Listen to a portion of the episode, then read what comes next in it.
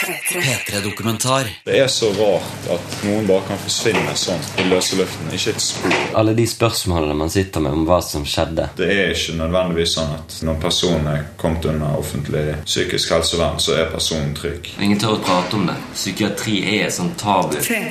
Leteaksjonen. En P3-dokumentar om å lete etter sin beste venn og samtidig miste troen på det psykiske helsevesenet. Jeg heter Trine Solli.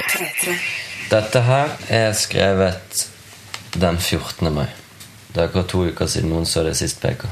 Det er ikke til å begripe. Det er ikke til å forstå hva du tenkte nede på bryggen den dagen. Det vi vet, er at vi ennå ikke har funnet deg. At det er umulig å falle til ro med noe som helst. Har vi gjort det vi bør gjøre, eller er hele aksjonen til skremsel for deg? Eller gir du ingen lyd fra deg fordi du ikke fins lenger? Jeg tør ikke tenke den tanken engang.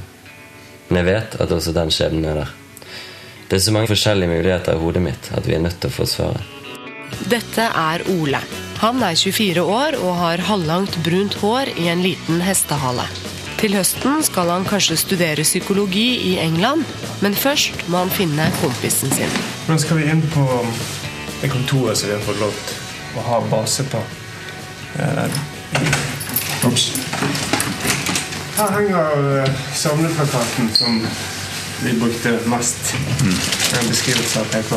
Musiker Per Christian Slåttli har vært savnet siden mandag 30.4. Han ble sist sett i Sandviken i Bergen. Signalement, mørkt blondt, har langt hår. 185 cm. 24 år gammel. Om du har sett denne personen eller har tips, ring politiet. Så på engelsk. Saklig. Altså. Cirka eh, midnatt så ringer eh, telefonen. Og jeg så at det var broren til PK som ringte, så jeg tok telefonen. Øystein er PKs beste venn. De har kjent hverandre siden barndommen.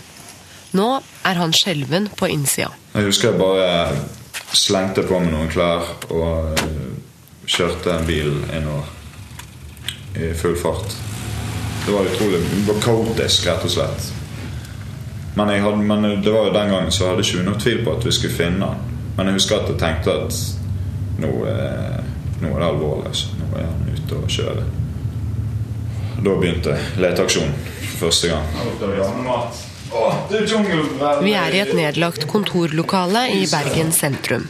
Her har Ole, Øystein og flere andre av PKs venner organisert leteaksjonen etter kameraten sin. Om tre uker skal det gjennomføres et siste dykkesøk i vannet der han sist ble sett for fem måneder siden. Man merker at det, Jo lenger og lenger det går for hver gang de følger opp noe i leteaksjonen, så er det tyngre å begynne igjen. Det er så utmattende å holde på med de der tankeprosessene og øh, resonneringen og alt. Så det er nesten litt sånn at jeg vegrer meg. Alle de tipsene som står her, det var på en måte de som var mest interessante. Det er. Det er litt merkelig å kjøre rundt og lete etter en av sine bestevenner. Det er akkurat som du ikke gjør det. Det er akkurat som du leter etter noe annet, eller at du leter etter noe fysisk. Det går liksom ikke opp for deg. Du går fra håp til at håpet blir knust, til at du tror at eh, vi finner han ikke, til at du finner han, nå finner vi han snart. Berg-og-dal-bane. Du går opp og ned i følelser hele tiden, og så kommer disse minnene inn hele tiden. Blir du frustrert for helvete? Dritt. Følelsen av at du går rett ved siden av han, men bare ikke klarer å se han. Eller at svaret er der, rett foran deg. Og at du ikke har sett sammenhengen. At kanskje du, du tror på det, eller at du er så nærme. PK rømte fra et psykiatrisk sykehus. Leteaksjonen, bestående av PKs familie og flere hundre venner, bekjente og fremmede, har lett overalt. I byen, på fjellet, i tomme hus og fabrikklokaler, nedlagte tunneler i vann og på land. Her er noen av de første kartene som vi når vi hadde, Husker du det? Når vi hadde Ja. grupper som skulle gå rundt i, i sentrum. Vi seksjon. Så delte På veggene henger det store kart over byen, med noen få, små knappnålshoder som indikerer observasjoner av PK. Det er mange lange lister med kontaktinfo til politi, vitner og frivillige. Savnet-plakater ligger i bunker på et bord, sammen med tomme brusflasker og en utskrift av PKs telefonlogg fra de siste ukene før han forsvant. Og, og her i dette området her som er det, Sandviken og Elso eh, her ute, um, da gikk vi da dør-til-dør-aksjoner. en dame som, som Det første hun sa etter at vi hadde på en måte, levert denne telefonselgertalen der, det var liksom Er han farlig? Og det, det er så absurd. Sant? for jeg skjønner jo fra hennes ståsted Det er jo helt naturlig å spørre sånn, En som flyktes fra Sandviken, du tenker med en gang Er det en farlig fyr? på en måte og så tenker du, har du vårt ståsted PK. Liksom.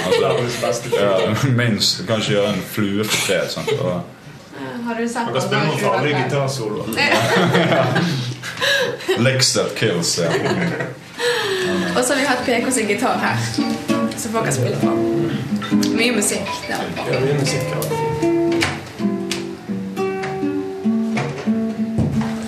Det kartet her er vel egentlig en oppfølger av den Laftebrødlisten der. Er Føler liksom helt at vi lukker saken hvis vi tar det ned. Det betyr noe. Det er litt sånn som så lenge dette rommet er som det er, så Håper vi. håper man Og det rommet symboliserer at vi ikke har gitt opp.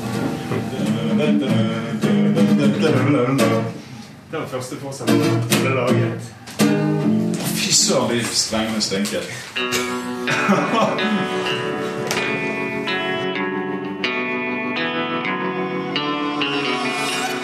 Hvert år blir ca. 1800 mennesker meldt savnet i Norge. De aller fleste av disse kommer til rette igjen. Per 1. oktober i år er det 454 mennesker som ikke har dukket opp. 340 av disse er menn, og 28 av dem har blitt borte her i Bergen.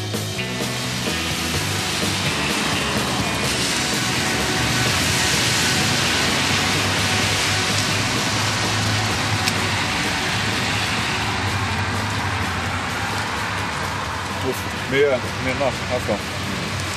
Her, her, dette området er trygt å si at vi kjenner alle kroker og alle hus. Vi er på befaring i gamle Bergen, området PK sist ble sett.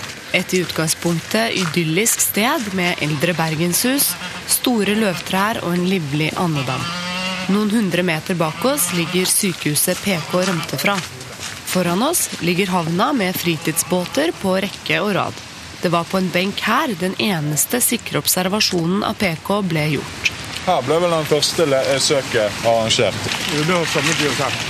Da var dette full, hele plassen her full av folk. Og Sportsklubben Brann stilte, hjalp oss med jakker og eh, sånne refleksvester og alt sånt sånn som de bruker i forbindelse med kamper. Og det var veldig spesielt å stå oppå her og bare se alle de refleks, eh, refleksene som reflekterte. Den lyste jo opp. Lyste opp hele plassen, og så bare gikk rundt og lette etter PK. Det var Det jævlig bra. når du ser opp en sånn voldsom stjernehimmel, sånn. det var sånne små lyspunkter overalt. De vet sikkert mer enn oss, nesten. Ja, det må jo de gjøre. Her forsvinner han fra Google Maps. for å si det sånn. Her er det. Det er her han ble sett for siste gang. Ja. Han kommer løpende ned her, sånn. og så ute i vannet, så hører de plasken. Og så er de der, og så snur de seg, og så spør de om man, hva som skjer, om man trenger hjelp. Og da har han bare sett litt forvirret ut. Så løper han opp igjen, og så løper han over plassen her og bak det hushjørnet der borte. Siden så har ingen sett ham. Og så finner man skoene og genseren hans der borte med de båtene. Samme natten så gikk vi gjennom alle de båtene her. Jeg hadde allerede gjort meg opp teori den natten om at han hadde lagt seg inn i en båt for natten. Altså, Jeg holder jo litt på han ennå. Jeg, jeg kan godt tenke meg at hvis han ikke har forsvunnet på vannet, da, at han har tilbrakt natten der, da får tid til å plan, legge en plan for videre ferd. Det- Jeg har ikke gått helt vekk fra det personlig. Men uh, sjøen tiltrekker mye av min oppmerksomhet. da. Men noen som vil ha snu opp? Alle de spørsmålene man sitter med om hva som skjedde. Det er så godt å vite når du står på en, en gravplass, og vite at under der ligger vedkommende. Det er der det er. Her har vi det. Navnet, alt er klinkende klart. Det står så skrevet i, i hele plassen at dette livet er slutt, og her minnes det. Og det, det er en, en plass hvor du på en måte kan minnes folk. Mens nå er det liksom, nå er det bare løst. Det regner, og vi står på det såkalte nullpunktet hvor skoene til PK ble funnet. I den samme perioden skal det ha forsvunnet et par andre sko fra båthavna. Teoriene og tankene om hva som skjedde, er mange og ulike. ut på denne piren her så ble skoene hans funnet. Når jeg først fikk høre det, da, da sank håpet litt.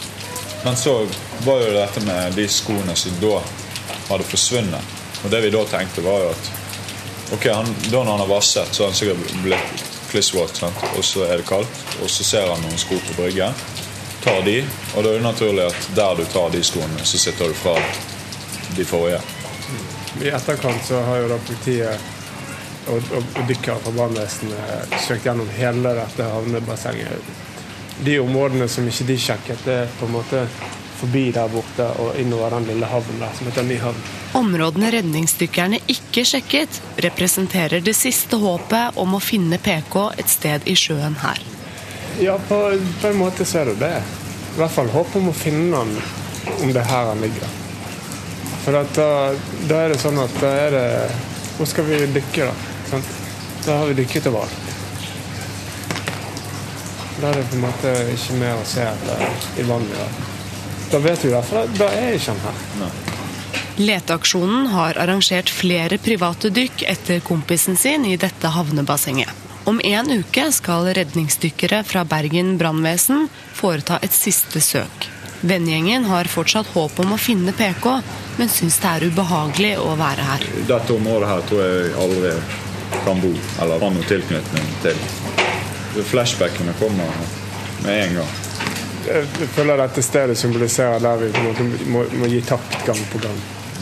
Det er så rart at noen bare kan forsvinne sånn i løse luften. Ikke et spor. Det er, det er, det er nesten sånn jeg, Av og til så begynner jeg å lure på om det har skjedd noe overnaturlig. Det er så, Ja, abduction. ja.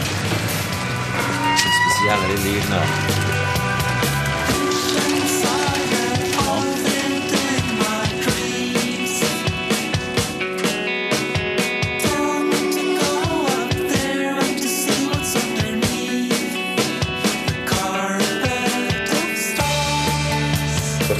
Gratulerer med dagen, PK. Håper du har det bra der du er. Satser på å sees snart. Gratulerer med dagen, Packen. Savner deg. Tenker på deg og savner deg masse, PK. Håper du i god behold at du snart kommer hjem igjen. Det er bursdagen til PK. Han blir 24 år i dag, og Facebook brukes som en minnebok. Her. Her ligger hele historien. Jeg har vært mye på den siden her. Og sett og blitt minnet. og Det er deilig å gå tilbake før han forsvant. Se på det når ting var normalt. Han lagde mye bra mat. Og sunn mat. Sauser. Likte å trikse med når han lagde mat. Så er videoer som folk har lagt ut. Så står det tusen ting på. Kan jeg få gi deg en sang Og samtidig Ole ser på et gammelt videoopptak av PK og en venninne som spiller i et bryllup.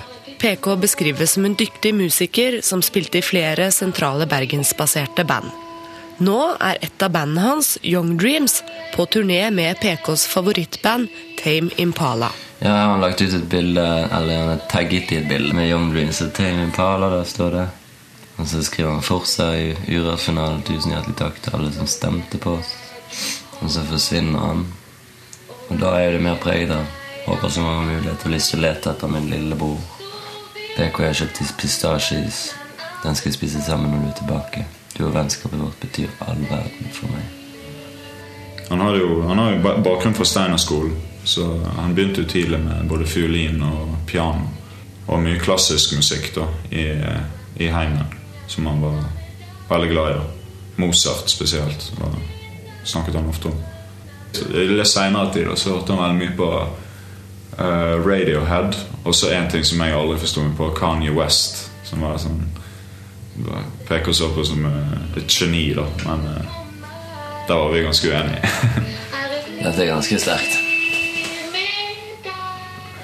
Han ble fjern. Sånn som jeg oppfattet det, så hadde han problemer med å skille mellom virkelighet og fantasi. Han viste trekk, og iallfall overfor meg, som han og oppførte seg mot meg på måter som han aldri har gjort før. PK forandret seg fort den siste tiden før han forsvant. Nei, han eh, hadde jo en livsstil.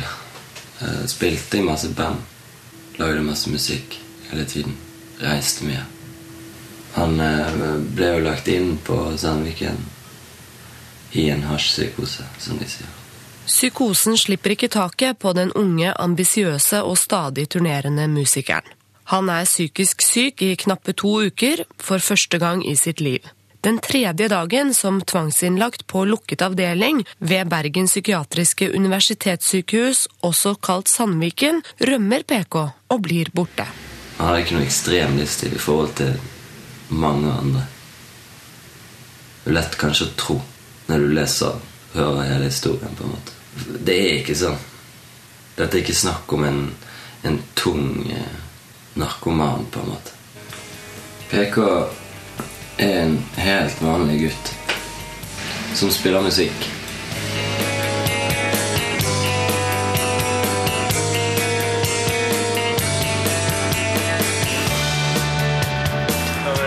Du tar den. Det ordner du når du kommer. Sånn. Du bare svømmer rundt den. Dere eh, kjører et skikkelig søk gjennom med siktavstand, og så filmer du litt Philip òg. Frank er dykkerleder for redningsdykkerne ved Bergen brannvesen. Nå organiserer han det siste søket etter PK i båthavna der skoene hans ble funnet. Ved det såkalte nullpunktet står en håpefull og frustrert vennegjeng og venter i spenning. Nå eh, holder de på å rigge til dykkerutstyr. Vi eh, dykker to og to. Hver sin kommunikasjonsline. Så vi Situasjonen er alvorspreget. Kanskje finnes PK rett under føttene våre. Leteaksjonen er oppgitt og sikre på at alt hadde blitt håndtert annerledes hvis ikke PK var psykisk syk. Det er helt klart. Vi har jo sett hvis en turgåer forsvinner oppe på Byfjellet. Så har jeg sjøl vært og sett hjelpemannskapene stå noen timer etter de skulle vært forventet nede igjen, øh, og, og gå søk på fjellet. Og finne vedkommende, ikke sant? Det to døgn før de trapper opp.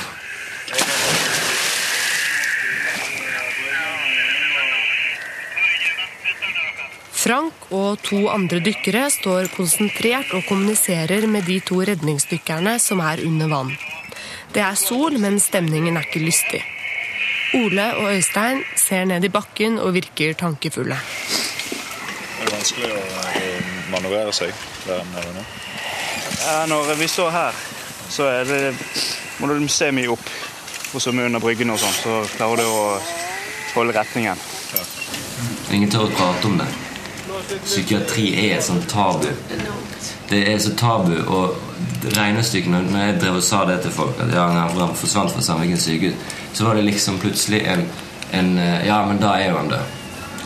At folk kan si det. Fordi at psykose er plutselig lik død. Eller selvmord. Men det er ikke nødvendigvis, fordi folk trenger ikke å være så suicidale. Jeg skulle gjerne ønsket at at de i hvert fall hadde kjørt en bil ut i Sandviken den dagen han forsvant. At de i hvert fall hadde klart det. Det var liksom det minste. Det er det minste de kunne klart. med en gang. Så har han vært funnet sånn. Saken er ferdig. Det blir ikke sendt sporhunder hit den natten PK forsvinner. Øystein og familien til PK leter febrilsk og skjønner ikke hvorfor hjelpen fra politiet uteblir. Politiet på sin side har fått beskjed fra sykehuset om at det ikke er fare for liv, og velger derfor å ikke prioritere situasjonen. Noen dager senere leter de for fullt, til budsjettet er brukt opp. Frank og redningsdykkerne har også gjort omfattende søk tidligere. Eh, Vi har eh, dykket 11 timer og 20 minutter. Det er effektiv tid under vann. Og det har vært foretatt 15 dykk eh, som er loggført. Vi har ikke funnet den omkomne, eller den savnede. For leteaksjonen er det et regnestykke som ikke går opp. De er forbanna på sykehuset og Helse Vest. Helse Vest kan ikke holde på sånn som det der. Hvis man tenker liksom hvor mye det, den saken har kostet i, i penger, da, hvis vi skal snakke om ressurser Alle sykemeldinger som har blitt gjort, det er jo en lønn. Og så er det også en psykisk påkjenning for alle, og særlig familien og de gode venner. Og så har du politiet, som brukte de sine penger, som gjerne skulle brukt mer penger. Og det er bare for at én forsvinner fra Sandviken sykehus. Det, det er snakk om millioner allerede. De pengene kunne de brukt på å sikre det stedet. Og Det er litt ekkelt å tenke på at det er ikke nødvendigvis sånn at når, du, når personen er kommet under offentlig psykisk helsevern, så er personen trygg. Fra før så har vi gjerne tenkt at det er alltid noen å gå til når, når det, problemene blir så store at du ikke klarer å, å løse dem sjøl. Men nå er jeg litt usikker. Hvis man går til det steppet og ringer til assistanse fra sykehuset når, en, når du skjønner at et menneske er sykt, så det er ganske hardt. Da kommer det en sykebil og skal liksom legge deg inn. Tvangsinnlegge deg. Og det, det er jo liksom Det er egentlig større faresignal at han forsvinner og, og blir borte fra Sandviken sykehus når man blir tvangsinnlagt. Når man, altså Hvorfor skal man ringe den telefonen og be om eh, assistanse når ikke sykehuset klarer å holde på dem i det hele tatt? Og det skjer flere ganger i løpet av et år. Så hvor skal man ringe da?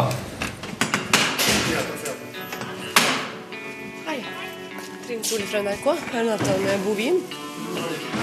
Bovin? Ja, jeg skal gi beskjed. Vi er på Haukeland universitetssykehus, psykiatrisk klinikk, også kalt Sandviken sykehus, for å treffe klinikkdirektør Kristin Jorheim Bovim. Hun skal vise oss rundt på sykehuset og forhåpentligvis gi oss svar på hvordan PK, etter kun tre dager, rømte herfra, og hvorfor det tilsynelatende ikke ble gjort noen ting for å finne han den vårnatta for drøye fem måneder siden. Skiltet må dere ikke bry dere om, det er også helt feil. Da, da vi ble slått sammen og ble Helse Bergen, eh, Haukeland universitetssykehus, så var det i to måneder så var det noen som sa kanskje vi skulle kalle Sandviken Bergen psykiatriske universitetssykehus. Det var et fint navn. Og før vi fikk sukk for oss, hadde de laget skilter. Og nå har det gått åtte år, og skiltene står der fortsatt. Sykehuset er stort. Gamle, gule institusjonsprega bygninger er vevd sammen med nyere påbygg. Det er grønn beplantning, og mennesker med grå hud og rare blikk har røykepause. Sykehuset er fra 1891 og het den gang Nevengården. I dag heter stedet Sandviken sykehus på folkemunne. Her var det jo 550 senger. Og da var det svære, høye gjerder rundt. Svære gjerder. For folk som har vokst opp her ute i Sandviken, de husker liksom at det var en sport om søndagene. Gå tur ut her og så finne noen huller i gjerdet. De kunne kikke inn på de gale. Den tida er forbi. Ja, heldigvis. Og jeg er veldig redd for at det skal oppstå igjen en sånn slags opphaussing i befolkningen av at psykiatriske pasienter er så farlige. Og det er jo Ole og resten av leteaksjonen også. De har også et inderlig ønske om å bryte ned fordommer, avmystifisere og få en slutt på den stygge stigmatiseringen av psykisk sykdom. Derfor er det tragisk at leteaksjonen nå er på kollisjonskurs med Bovim. Jeg forstår jo de. de. De sitter jo med sin dype fortvilelse. Og det er klart at når man er så fortvilt og så lei seg, så har man veldig behov for å forsøke å kunne gjøre noe som kan føre til at andre ikke skal oppleve det samme. Og at de ser på det som en, eh, en viktig ting å jobbe for. Og så blir det min og vår oppgave å forsøke å se helheten, da. Det er ikke noe kunst å slå opp store gjerder. Det er ikke noe kunst å få enda flere restriksjoner. Men det er en kunst å jobbe på en måte som gjør at pasientene kan begynne å stole på oss, og som kan samarbeide om behandlingen og få økt brukermedvirkning, som vi snakker så mye om. Jeg tror det er der fremtiden ligger, og det er den veien vi ønsker så sterkt å gå. Men dette er liksom en sånn typisk lufteterrasse hvor pasientene kan komme ut og røyke. Typisk sted hvor man kan stikke av hvis man vil. da. Ja. Det er ingen lås på den døren der heller. Nei. Så er, er pasienten veldig rømmelysten, så skal han egentlig ikke ut her på terrassen. Det var her PK rømte. Sykehuset har ikke et veldig godt rykte på seg, og et kjapt Google-søk gir meg overskrifter som 'Robert 26 tok livet sitt på sykehus', 'Her døde Solveig 20 etter å ha blitt ignorert av helsevesenet', 'Haukeland sykehus refses'. Jeg har også blitt fortalt at 47 pasienter har rømt herfra de siste fem årene. Det høres mye ut. Ja, det stemmer. Eh, Det er jo, eh, syns vi, et ganske lite tall. Av de 47 så er det én som er død, og én som da er blitt borte. Sånn som det vi snakker om i dag. I tillegg til de 47, så er det jo ganske vanlig å stikke av herfra. Fordi at det er masse unge mennesker her. De hater å bli innestengt. Sånn at for oss er jo det at folk forsvinner herfra, for så vidt en helt dagligdags ting.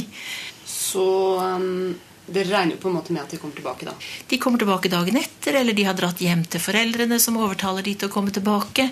De vi melder til politiet, det er der hvor vi tenker at det kan være en risiko av et eller annet slag.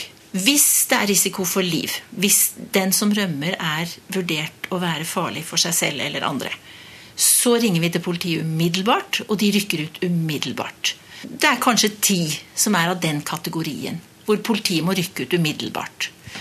Resten så ringer vi til politiet og så sier vi at nå er den og den på rømmen. Kommer kanskje til å dukke opp på et utested i byen eller på Torgallmenningen. Dere må vite at han hører til hos oss, og vær så snill å kjøre han tilbake igjen. Det var en sånn type beskjed politiet fikk den natta PK forsvant. Men han har enda ikke dukket opp. Politiet kjørte han aldri tilbake. Hvis vi skulle sikre dette sykehuset bedre, så måtte vi bygge opp igjen gjerder. Dette handler i utgangspunktet ikke om høye gjerder. Det handler om venner og familie som opplever at sykehuset sviktet og ikke klarte å ivareta PKs sikkerhet. Familien til PK får han innlagt her fordi han er psykotisk og manisk, noe han aldri har vært tidligere. I en rapport har sykehuset skrevet at han har grandiose forestillinger, to vakter til å passe på seg og tilsyn hvert femte minutt. Det står også at han blir økende urolig og skader seg selv. Likevel blir han friskmeldt av det samme sykehuset idet han dagen etter smetter over et lite gjerde og blir borte. Det er et tungt tankekors for familien og leteaksjonen. Det er vanskelig for meg å gå inn på den saken her. Som du vet, så har jeg taushetsplikt på den konkrete saken. Eh, Men generelt så kan jeg si at rutinen er at det skal vurderes av lege. Og av og til så kan man jo overvurdere en pasient. Ganske mange pasienter er jo flinke til å i hvert fall i korte perioder kunne ta seg veldig sammen og, og, gi inntrykk av at nå har de virkelig forstått at de må være her. Og kan jeg ikke bare være så snill å få lov å gå ut og røyke? Hvem er det som har ansvar for pasienten her, da? Ansvaret er jo i siste instans meg som klinikkleder. Betyr det at dere også har ansvaret idet pasienten rømmer? Ja. Når pasienten er innlagt hos oss, til og med på tvang, så har vi tatt på oss et stort ansvar. Vi har til og med fratatt den pasienten muligheten til å bestemme over sitt eget liv. Og det er en ganske drastisk ting å gjøre mot et menneske. Mm. Så, så, det ansvaret har vi tatt absolutt. Hva tenker du da om at du nå da også indirekte har ansvar for to pasienter som ikke er kommet til rette? Mm. Ja, nei, det er dramatisk. Men vår konklusjon er at det ville bli en dårlig løsning om vi skulle bygge opp igjen gjerdene. Sånn at vår konklusjon er at vi, får, vi må jobbe enda hardere med å gjøre gode vurderinger. Ikke la oss lure av pasienter som later som de er friskere enn de er. Og forsøke å la være å la de gå utenfor huset overhodet hvis, hvis vi er det minste usikre. Men at det tross alt er bedre når det gjelder så få, enn at vi skal begynne å bygge opp igjen gjerdene og komme tilbake til den ja, sånn gammel, gamle dager. ja. Så prisen å betale er jo da 47 rømninger og to som sannsynligvis ikke dukker opp igjen. Ja. Den ene vet vi døde. Han mm. tok livet av seg. Men den andre vet vi jo da ikke noe om. Nei.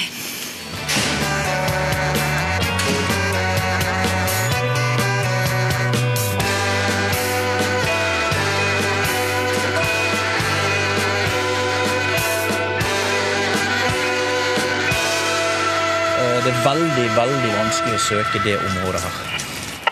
Jeg skulle ønske jeg var der nede sjøl. Ja. Liksom.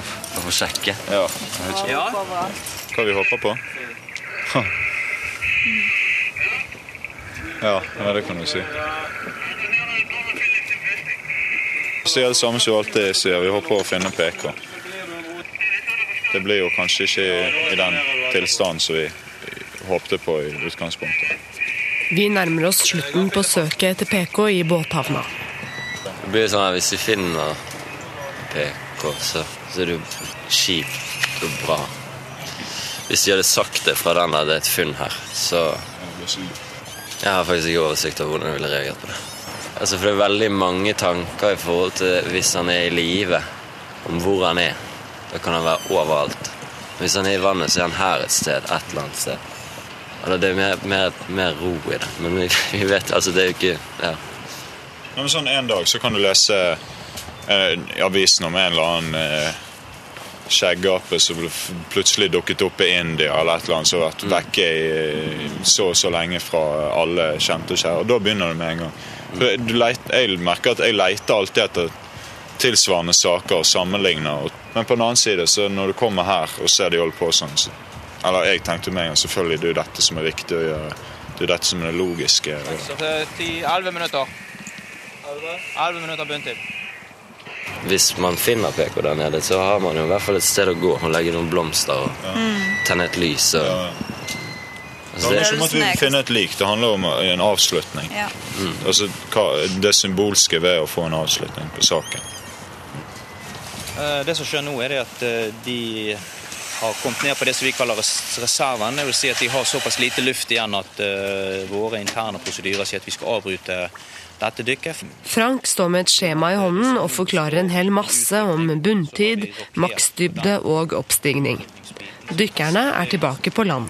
Vi, vi klarer liksom ikke å leve med at vi ikke vet noe om hva som skjedde med PK. Det er en utholdelig situasjon. Og på én side så må jo ting gå videre. Så jeg jobber, jeg driver med musikk. Kanskje mer enn noen gang, egentlig. Men på et annet nivå så er det et eller annet et element i livet mitt som er satt på vent. Eh, Det, det er veldig, veldig bra, det som er gjort. Her Spesielt av de frivillige som har lagt ned så mye av fritid. Så det er bare å ta av seg hatten. Absolutt. Er de ferdige nå? Nok et resultatløst søk etter PK er over. Nei, men Vi setter veldig pris på at dere valgte å, å gjøre det her. Det, Ja da, det, det, det føles alltid bra når, når det skjer konkrete ting. Jeg vil at du skal vite at vi er mange som er glad i deg, PK. Jeg vil at du skal vite at du har- har de fineste vennene i verden. Av rein, skjær kjærlighet har vi støttet hverandre og prøvd å gjøre vårt beste ut av det. Det beste ved det er at det er dine venner. Det verste ved det er at vi leter etter deg. Du har lært meg en ny dimensjon med livet, og det er ikke karrieren vi har snakket så mye om som teller. Det er de du har rundt deg som betyr noe. De som bryr seg om deg. Det skal jeg aldri glemme. Du må vite at vi bryr oss om deg. Vi vil ha deg her. Vi er glad i deg. Jeg vil så gjerne henge ut og dele livet. Olo dine for alltid.